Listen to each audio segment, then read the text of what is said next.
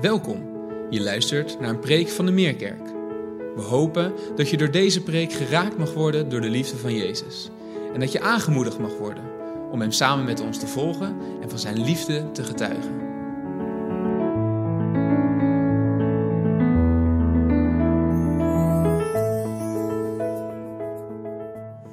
Goedemorgen allemaal. Al wat heerlijk om een goede morgen terug te krijgen. Heerlijk om jullie zo hier eh, te zien zitten in de zaal. Het is toch best knus zo als er wat minder eh, mensen in de zaal zitten. Maar geweldig dat ik niet voor een lege zaal eh, mag preken, maar dat ik jullie gewoon hier voor me heb. Maar ook geweldig dat de rest natuurlijk achter de tv zit, of de computer of de tablet. En dat we via deze manier alsnog verbonden kunnen zijn. En ik wil eigenlijk beginnen met een bedankje. Ik wil jullie zo bedanken, de hele gemeente, voor jullie meeleven met de geboorte van onze dochter.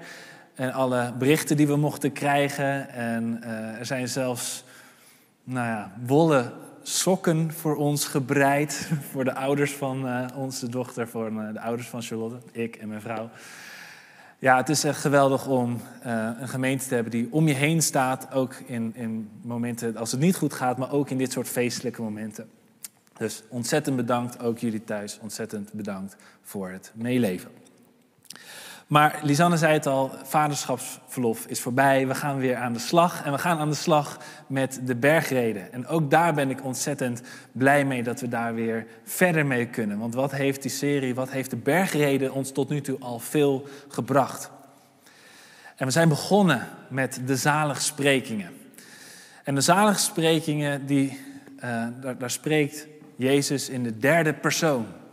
Hij heeft het over gelukkig hij die. En hij beschrijft een persoon die arm van geest is, een persoon die treurt. vervolgens gaan we van de derde persoon naar de tweede persoon. Hij spreekt zijn discipelen aan. Jullie, jij bent het zout van deze wereld. Je bent het licht van deze wereld, in deze wereld. En nu gaan we een switch maken in de bergreden. Want dit is de eerste keer in de passage die we nu gaan lezen dat Jezus zichzelf introduceert. En dat hij in de eerste persoon gaat spreken. Dat hij het heeft over ik. Nou, dit is zo'n belangrijke tekst, zo'n belangrijke passage, dat we ook twee zondagen gaan spenderen om de diepte hiervan te kunnen begrijpen. En aan mij om de eerste aanzet te doen. En ik wil het heel graag met jullie lezen. Matthäus 5, uh, vers 17 tot en met vers 20. En ik lees uit de MBV 21 vertaling. Daar zegt Jezus het volgende over zichzelf. Denk niet dat ik gekomen ben om de wet of de profeten af te schaffen. Ik ben niet gekomen om ze af te schaffen, maar om ze tot vervulling te brengen.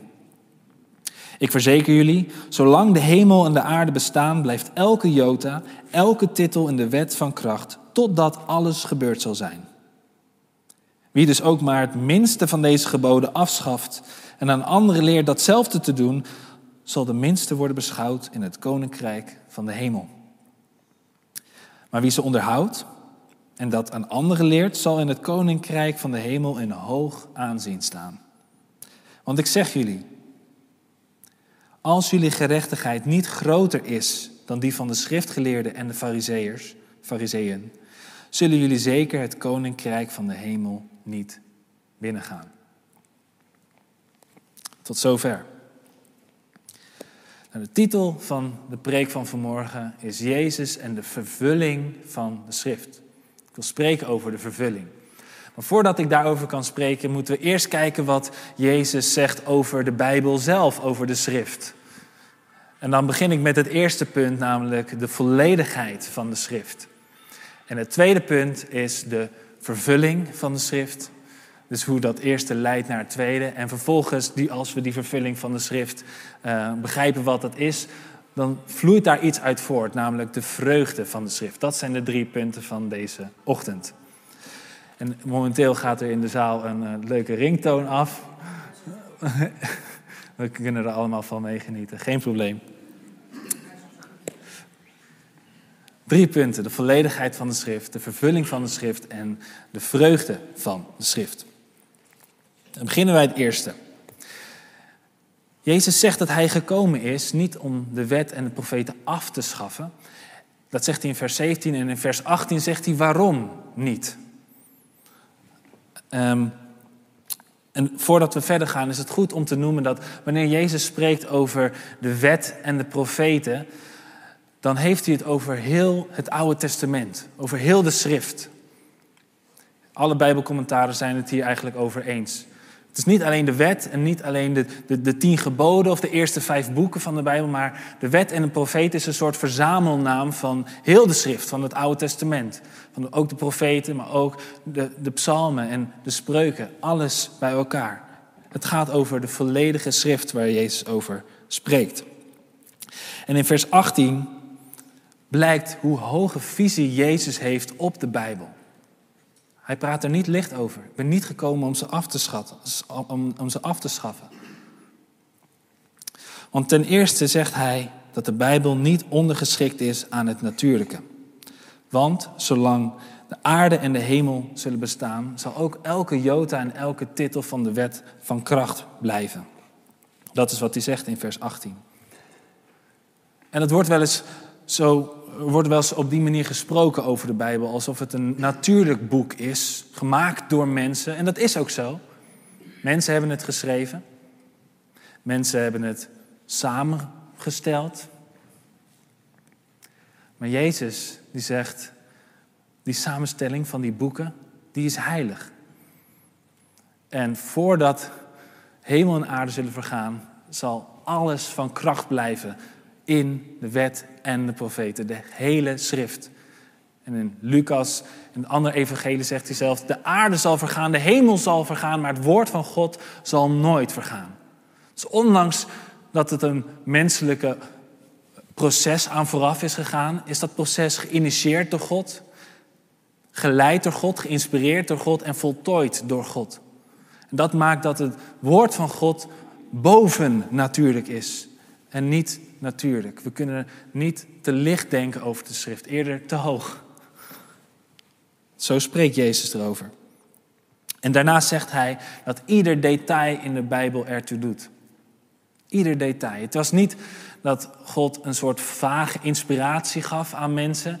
En dat mensen dat dan opschreven en dachten nou, ik denk dat hij dit bedoelt en daar een beetje de vrije hand in hebben hij zegt ieder detail, ieder woord, iedere letter in de schrift doet ertoe. Hij heeft het over elke jota. En een jota is een Hebreeuwse letter. Niet zomaar een Hebreeuwse letter, het is de kleinste Hebreeuwse letter. En een titel, of in het Hebreeuws een serif, is een heel klein leestekentje, een soort haakje. Denk bijvoorbeeld aan het streepje wat van een letter C een letter G maakt. Het is een heel klein streepje, maar het, is, verandert volledig de betekenis van een woord. Of er een C staat of een G staat. En hij zegt, ieder leesteken, elke letter blijft van kracht. Ieder detail doet ertoe. Nou, dit is hoe Jezus naar de schrift kijkt. En dat blijkt ook. Dat blijkt uit zijn leven. Dat blijkt uit hoe vaak hij de schrift citeert. En dat doet hij in een onderwijssetting, net zoals dat ik dat doe. Ik sta hier in onderwijs en ik, ik spreek over de Bijbel. Maar hij doet dat ook in de rest van zijn leven, ook als het tegenzit, als hij lijdt of als hij verleid wordt. Denk even aan jezelf op het moment dat je je teen stoot of, of iets veel ergers, een ongeluk meemaakt of wat dan ook. Op dat moment denk je niet na over je woorden. Op dat moment ben je niet heel erg aan het wegen van nou, welke woorden zou ik gebruiken, zou ik een Bijbelvers citeren? Nee, dan komt er gewoon uit wat er van binnen leeft, wat er in je zit. Als we kijken naar het leven van Jezus en de momenten dat hij lijdt, wat komt er dan uit zijn mond? Dan komen Bijbelteksten uit zijn mond. Denk aan het moment dat hij aan het kruis hangt. En wat zegt hij? Hij citeert Psalm 22. Mijn God, mijn God, waarom hebt u mij verlaten? Of als hij in de woestijn is en aan het vasten is en hij wordt verleid door de Satan. Wat is zijn reactie dan? Ga weg, Satan, want er staat geschreven, puntje, puntje, puntje. Hij citeert de Bijbel. Jezus, die ademde de schrift. Het kwam uit zijn poriën. Hij baseerde zijn gehele leven op de schrift. En als wij onszelf zijn volgelingen noemen, moeten wij datzelfde doen. Moeten wij ook zo'n hoge kijk hebben op de schrift, op de Bijbel. En de autoriteit ervan erkennen. En dat is soms lastiger dan om dat gewoon zo te zeggen van ik geloof in de Bijbel. Ik heb wel eens gesprekken met jongeren en die lezen de Bijbel en ja, die vinden sommige bepaalde dingen toch wel een beetje schuren. En dan, dan zeggen ze iets als ja, maar ik kan niet in een God geloven die puntje, puntje, puntje. Die lijden toelaat of noem maar op. Vul het maar in. Maar op het moment dat je zo'n uitspraak doet, ik kan niet in een God geloven die conform is aan mijn beeld van wat God zou moeten zijn. Op het moment dat je dat zegt, accepteer je niet de autoriteit van de Bijbel. Dan maak je jezelf tot de jury, die bepaalt wie wel, wat wel van God is en hoe God is, welke eigenschap hij wel heeft en wat niet van God is. Maar dat kan niet. Als God liefde is, dan, dan kan hij niet dit aandoen aan, aan mensen. Kan hij geen mensen naar de hel sturen. Is dat aan ons om te bepalen wie God is? Of mag de Bijbel ons tegenspreken? Zelfs dat het gaat schuren. Dat we denken, ja, dit vind ik niet fijn om te horen. Of ik begrijp niet hoe dit samenhangt met, dit andere, uh, met deze andere eigenschap van God. Maar als we dan tot de conclusie komen, dus het kan niet waar zijn, dan zeggen we dus eigenlijk, ik bepaal. Ik ben de hoogste autoriteit en niet de schrift. Dat is niet het voorbeeld wat Jezus geeft. Die omarmt de volledige wet en de volledige, alle profeten, de hele Bijbel. Elke jota en elke titel. Alles of niets. En dit is het eerste punt. Dat de volledigheid van de Bijbel geïnspireerd is door God. En het daarmee dus ook autoriteit heeft over ons leven. En dan kan je zeggen, ja oké, vers 18. Ik ben erbij. Ik, ik, ik, ik, geloof dat ook. Ik wil me ook mijn leven onderwerpen aan, aan de Bijbel. Maar hoe zit dat dan? Want, want we hebben als christenen vaak een soort Paulus-reflex. Paulus die leert ons heel erg dat ja, de wet heeft geen kracht meer over ons. Er is de genade. Jezus vergeeft ons toch, dus waarom zouden we ons nog aan de wet moeten houden? Dat is altijd een spannende, soort spannend samenspel. En die botsen tegen elkaar en die schuren tegen elkaar. De sleutel om dit te begrijpen zit in vers 17. En dat is het tweede punt, de vervulling van de schrift. En daar zien we dat het niet een botsing is met elkaar, maar dat die twee, wet en genade, elkaar juist kunnen omarmen en bij elkaar komen. Maar die komen alleen bij elkaar in Jezus Christus. Hij zegt dat hij niet gekomen is om de wet en de profeten, om de schrift af te schaffen, maar om het tot vervulling te brengen. Wat betekent dat, vervullen? Wat betekent dat? Hij zegt niet, ik ben gekomen om de Bijbel te bevestigen. Om te zeggen, ja, wat er staat, dat, dat klopt. Daar ben ik het mee eens. Dat, dat moet je ook doen. Nee, hij bevestigt het, maar hij gaat een stapje dieper. Hij zegt, ik kom om het te vervullen. Er zitten meerdere aspecten in het woord vervullen, wat dat zou kunnen betekenen. Het zou kunnen betekenen dat Jezus de wet en de profeten, de schrift, perfect naleeft kan daarnaast ook betekenen dat hij de ultieme betekenis van de schrift openbaart in zijn onderwijs. Dat hij in deze bergreden eindelijk openbaart waar de wet en de profeten al die tijd al over hebben gesproken. Maar nu kunnen we het pas begrijpen, nu Jezus ons het uitlegt. Of hij kan er ook mee zeggen dat zijn leven en zijn onderwijs de schrift tot voltooiing brengt. Of het is een combinatie van deze aspecten uiteraard. Maar wat het ons in ieder geval leert, wat het ons in ieder geval leert, dat Jezus de, de schrift vervult, is dat Hij belangrijker is dan de wet en de profeten. Want de wet en de profeten wijzen vooruit naar Jezus, maar Hij is degene waar het om gaat. Hij is degene die het uiteindelijk vervult. Als ik een glas water pak, dan is het Glas, als er geen water zou bestaan, dan heb je niks aan een glas. Een glas vindt zijn bestaansrecht vanwege water, vloeistof. En zo vindt het Oude Testament zijn bestaansrecht vanwege Jezus. En dat betekent dat we Jezus niet kunnen begrijpen zonder het Oude Testament. We hebben het Oude Testament en alle verhalen nodig om te begrijpen wie Jezus is. Alle beelden die we daarin in, in, in, eh, in lezen, de rituelen, de ceremonies, de wetten, de, de Bijbelfiguren, allemaal wijzen ze vooruit naar Jezus. Elke koning is, wijst vooruit naar de ultieme koning. Elke priester wijst vooruit naar de ultieme priester, Jezus. Elke profeet naar de ultieme profeet. Denk aan het beeld van het Pesachlam, het lam dat geslacht werd voor de zonde van het volk van Israël. Dat geeft ons een beeld van Jezus, het lam dat voor ons geslacht is. Maar net zoals dat we Jezus niet kunnen begrijpen zonder het Oude Testament, geldt het ook andersom. Dat we het Oude Testament niet kunnen begrijpen zonder Jezus. Want als we dat gaan lezen, dan denken we, ja, wij moeten nu ook uh, lammetjes gaan slachten. Want dat lezen we in het Oude Testament. Maar we kunnen het Oude Testament niet begrijpen zonder Jezus, zonder in te zien dat Hij dat vervuld heeft. Hij is het ultieme lam dat geslacht is voor de zonde van de wereld, dus voor de zonde van jou en mij. En dat maakt dat als we recht willen doen aan de wet en de profeten, maar ook aan de vervulling van de wet en de profeten, aan Jezus, als, als we dat willen doen, dan betekent dat we juist geen dieren meer mogen offeren. Want als we nu dieren gaan offeren, zeggen we daarmee eigenlijk, uw offer was niet genoeg, Heer Jezus. We hebben alsnog nodig om dieren te offeren voor onze zonde. Zie je hoe dat werkt? Dat betekent dat een christen zich fundamenteel anders tegenover de wet verhoudt vanwege Jezus dan uh, iemand, dan een Jood die leefde in de tijd van het Oude Testament.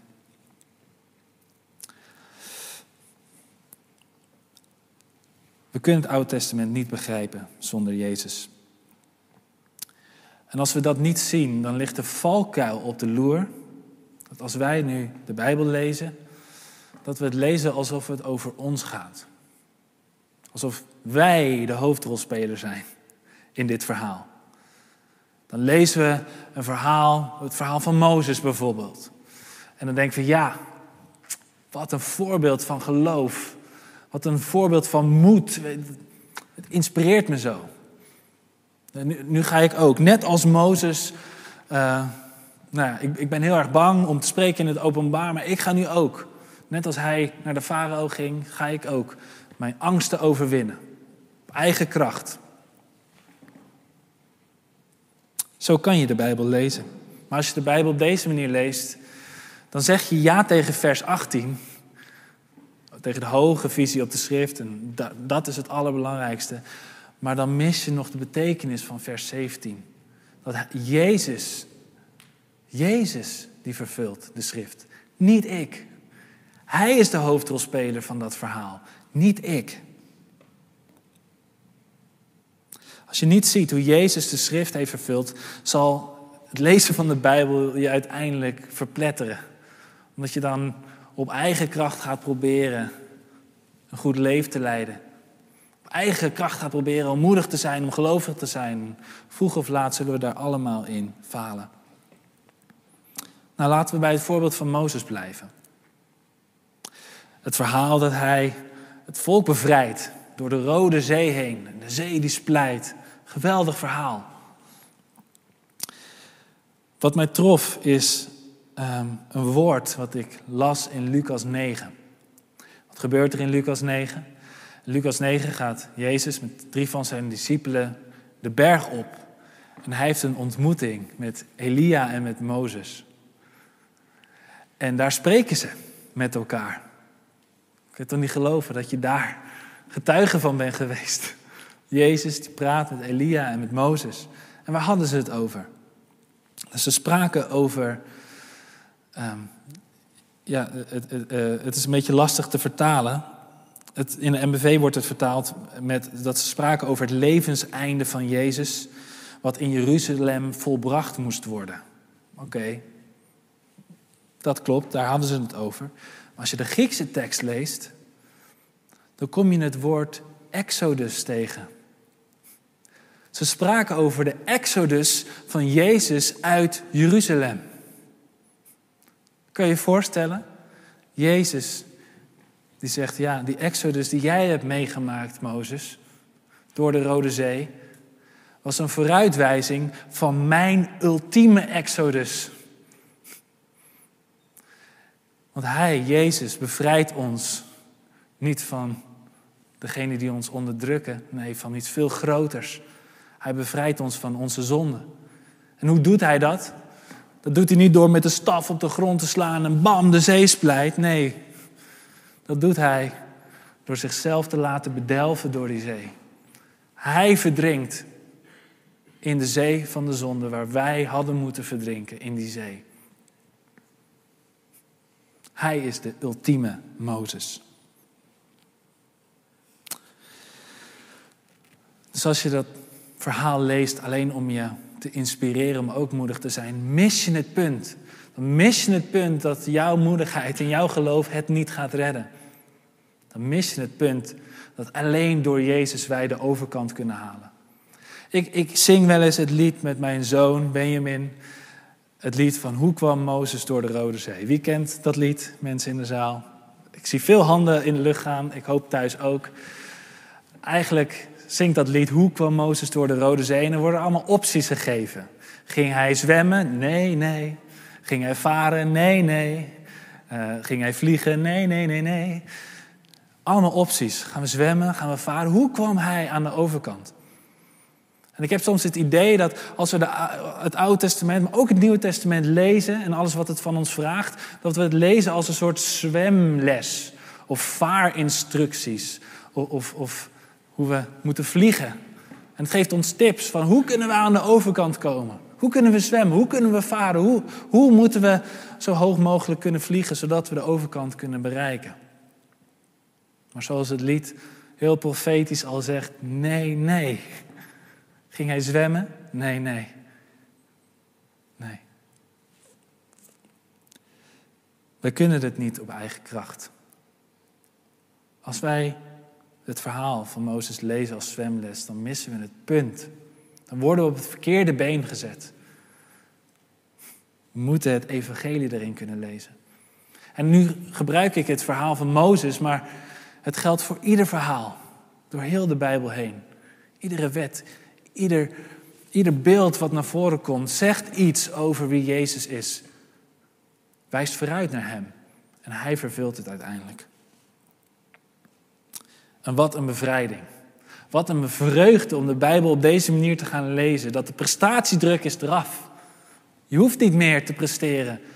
Want je leven is niet meer gefundeerd op wat jij hebt gedaan, maar op zijn prestaties. Ah, genade, het evangelie. Hij heeft het tot vervulling gebracht. Wat heerlijk. En zeker als je verder gaat lezen in de tekst van vanmorgen. Vers 20 komt er nog een schepje bovenop. Want ik zeg jullie, zegt Jezus, als jullie gerechtigheid niet groter is dan die van de schriftgeleerden en de fariseeën, zullen jullie zeker het koninkrijk van de hemel niet binnengaan. Wie kijkt er het programma Kamp van Koningsbrugge? Wie, wie is daarmee? Uh, het is nu weer begonnen, volgens mij, tweede aflevering. Um, het is een programma dat Nederlandse mensen, normale mensen uit de samenleving, die gaan de uitdaging aan om twee weken lang een soort uh, militaire commando-training aan te gaan. Dat is ontzettend zwaar.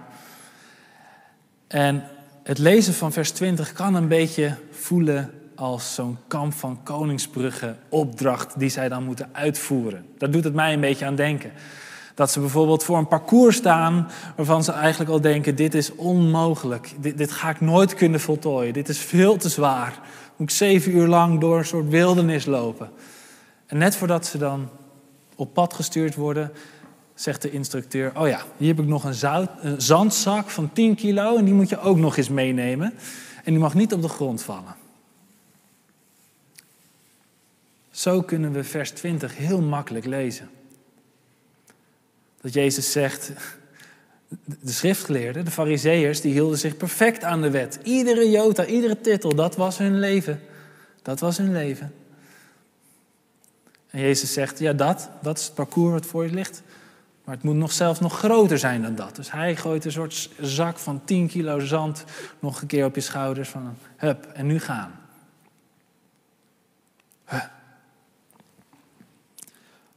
Zie je het belang van vers 17? Als we dat niet begrijpen, dat Jezus het vervuld heeft en dat het niet afhangt van onze prestaties, oh, dan kan je misschien wel gebukt gaan als je de tien geboden leest, maar dan word je verpletterd als je de bergreden leest. Als je dit soort versen leest. Zo moet je er niet naar kijken. Want de vreugde zit hem niet dat de wet en de profeten voor ons zijn afgesaft. De vreugde zit erin dat ze zijn vervuld. En dat betekent niet dat wat de wet en de profeten van ons vraagt niet meer belangrijk is. Het betekent dat wat de wet en de profeten van ons vraagt nu eindelijk mogelijk is. En het wordt mogelijk gemaakt door Jezus.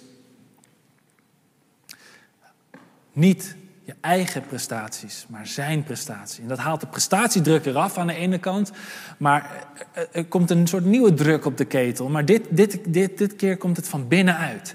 Is het een vreugde van, ah, ik wil niks liever dan een goddelijk leven leiden. Ik wil niks liever dan God eren met mijn leven. Hoe meer mijn liefde groeit voor Jezus, ook hoe meer mijn afkeer groeit tegen de zonde. Dat is wat er gebeurt als je opnieuw geboren wordt. Het resulteert niet alleen aan de buitenkant aan goed gedrag. Het resulteert in een nieuw hart, een veranderd hart van binnen. En dat zie je door heel de bergreden heen. Er wordt niet een tweedeling gemaakt tussen. Aan de ene kant heb je de mensen die zich aan de wet houden en heel goed leven. En aan de andere kant heb je de mensen die zich niet aan de wet houden. Dat is niet de tweedeling die je terugvindt in de bergreden. Want iedereen in de bergreden houdt zich aan de wet. Dat is een gegeven. Dat is het startpunt, natuurlijk. Maar het verschil zit erin, de vraag waarom houden ze zich aan de wet?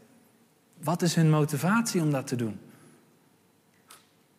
Dat lezen we en daar komen we nog op in deze serie in hoofdstuk 6.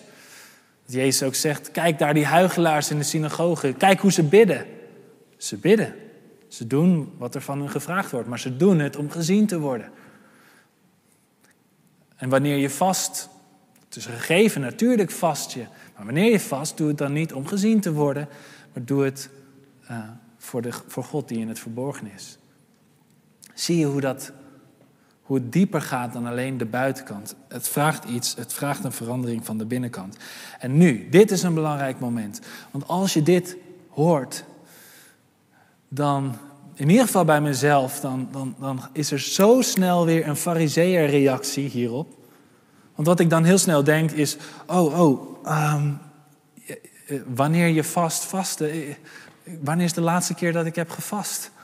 En mijn gebedsleven, ja, ja dat, dat kan misschien ook wel beter. Ik ga twijfelen, het klaagt me aan. Ik, ik denk, ben ik wel goed genoeg? Doe ik het wel goed genoeg? En op zo'n moment heb je grofweg twee reacties. Of, of je zegt, oké, vanaf morgen, ik, ik pak mijn, mijn bijbelleesrooster weer op. En ik ga weer vroeg opstaan om te bidden. En eh, ik ga ook weer een keer vasten. Dat ga ik ook weer oppakken. Of je reageert, ja, maar gelukkig hoef ik dat allemaal niet. Want mijn redding hangt niet af van mijn gebedsleven. En, dus ik hoef het niet te doen. En mijn redding hangt ook niet af van mijn vasten. Dus ik hoef het niet te doen. Nou, dat klopt. Dat klopt. Maar beide reacties missen de plank. Beide reacties zijn alleen maar bezig met de buitenkant. Beide reacties zijn alleen maar bezig met hoe kan ik die aanklacht wegwerken. Van je doet het niet goed en je moet, je moet meer bidden. Oké, hoe, hoe kan ik daarvan afkomen? Oh, we, gooien er, we, gaan, we gaan ons best doen. Of we gooien juist genade tegenaan. Maar de vraag die we ons af moeten stellen is waarom? De waarom-vraag. Waarom ontbreekt het mij aan de motivatie om te bidden? Waarom heb ik die motivatie niet meer?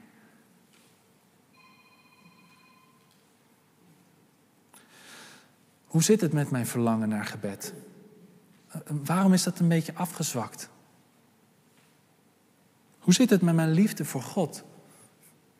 Waarom, als, hij, als ik me zo makkelijk beroep op zijn genade, als een soort van, nou ja, een, soort exit-strategie.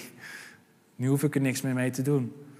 Maar is dat hoe ik met zijn genade om wil gaan? Hij heeft mij zoveel lief gehad dat hij mij wilde vergeven. Hoe zit het met mijn liefde voor hem? Dat zijn de vragen die we ons af moeten stellen.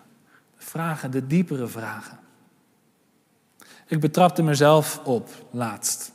Regelmatig eigenlijk wel. Als ik, als ik in het centrum loop. En het is misschien een beetje een gek voorbeeld, maar ik ga het toch noemen. Uh, en ik liep in de supermarkt. En ik had een beetje zo'n dag van, weet je wel, een beetje zagrijnig. Eigenlijk wil ik niemand tegenkomen die ik ken. Want ik wil gewoon geen, geen, geen, uh, geen praatje maken. En ik wil, uh, ik wil gewoon even, even de supermarkt doorkomen zonder dat ik daar iets mee moet. En totdat ik in de rij stond bij de kassa. Toen zag ik de cashier. En toen dacht ik, oh, straks moet ik natuurlijk wel iets zeggen tegen die persoon. En oh ja, ik, ik, ben een christen en ik moet bekend staan om mijn vriendelijkheid. En ik ben het, ik ben het zout en ik ben het licht. Uh, dus, dus, ja, ik moet wel iets gaan doen. Dus, nou ja, ik kwam daar met mijn boodschappen en toen forceerde ik die vriendelijke glimlach. En ik probeerde ook nog eens een praatje te maken. En op dat moment dacht ik, hé, hey, dit is interessant. Dit is interessant. Want op dit moment, dit is een cruciaal punt waarin ik een fariseer kan worden of waarin ik nou ja, leef als een christen.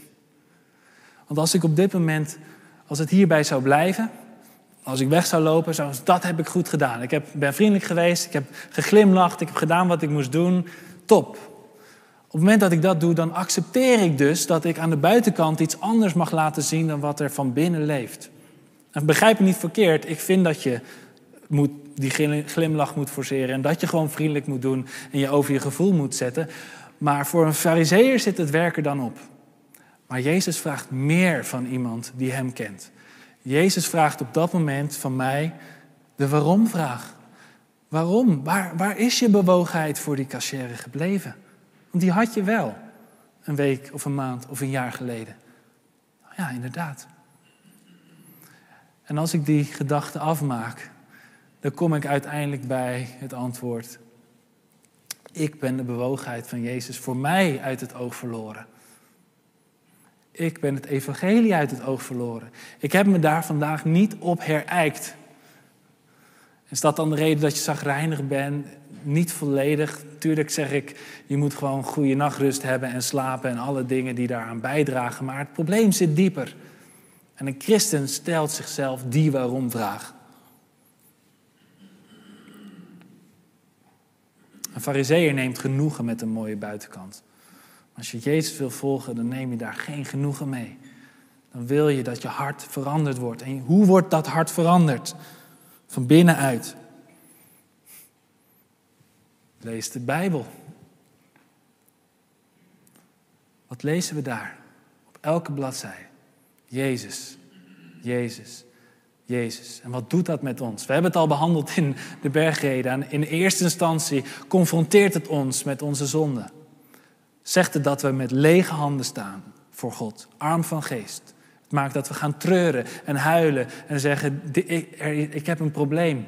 Er is iets mis met mij. Wat er in de wet staat en als ik kijk naar mijn leven, dat klopt niet met elkaar. Als je tot die conclusie komt, dan, dan ben je zo'n rijk persoon. Als je over je trots heen kan stappen en echt kan zeggen, ja, ook ik heb een probleem. Oh, dat is de grootste stap. En de volgende stap is overgave. Om jezelf te laten vallen in de armen van de genadige God en te aanvaarden dat je aanvaard bent, ondanks al je tekortkomingen. En wat gebeurt er dan met je? Je proeft de liefde van God. En als je de liefde van God proeft, groeit jouw liefde voor God. En hoe hebben wij God lief? Wat zegt Jezus? Je hebt mij lief door mij te gehoorzamen. We willen niks liever dan Jezus gehoorzamen, want dat is hoe we Hem lief hebben. Zie je dat de motivatie compleet anders is dan wanneer je een fariseer bent?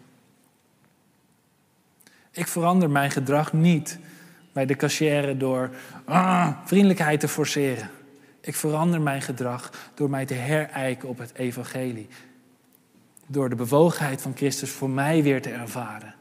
En ah, nu komt de bewogenheid voor mijn medemens vanzelf weer terugcijpelen. Dank u Heer. Wat een genade. Zie je, dit is het samenspel van de wet en van genade. En als je daarin zit, ach, dan wordt het evangelie zo'n vreugde.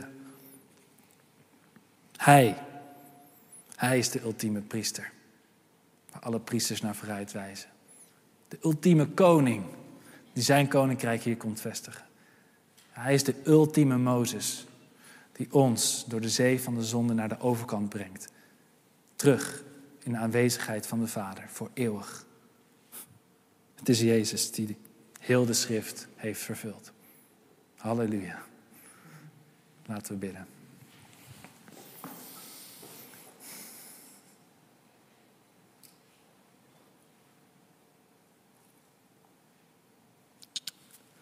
Heer, wat een wonder.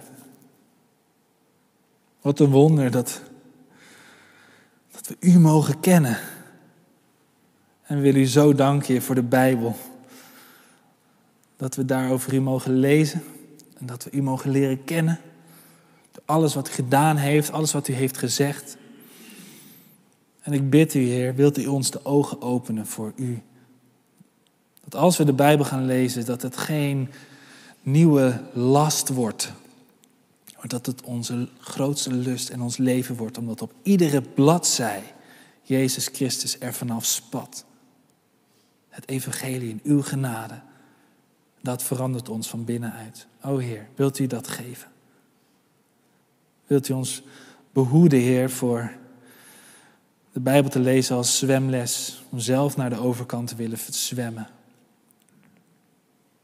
U splijt de zee voor ons. Dat kwam omdat u zich eerst heeft laten bedelven door de zee. U bent verdronken, u bent gestorven, maar u bent ook weer opgestaan uit de dood. Oh, dank u wel, Heer. Dank u wel. Heer, hoor ons, Heer, op deze momenten van stilgebed.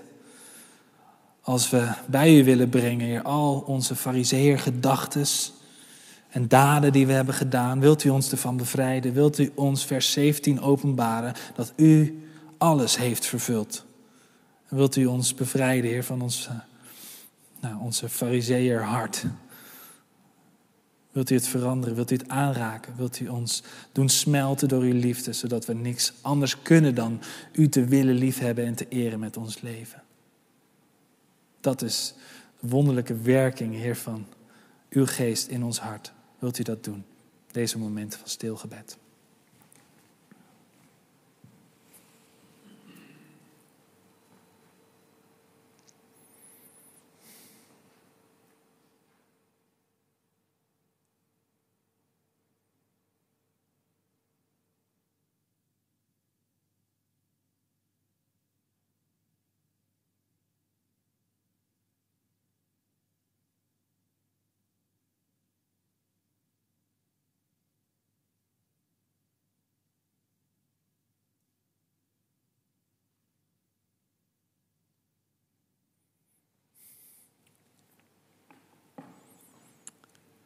Ja, Heer, wilt u ons vergeven, Heer, als onze liefde voor u bekoeld is. Als onze gehoorzaamheid aan u niet van binnenuit komt, maar puur aan de buitenkant een show is. Als we ons hart niet aan u hebben gegeven en door u laten veranderen. Vergeef ons daarvoor. Dank u wel, Heer, dat u heel de schrift vervuld heeft. De prijs uw naam, Heer Jezus. Amen. Fijn dat je hebt geluisterd. Voor meer informatie ga naar www.meerkerk.nl.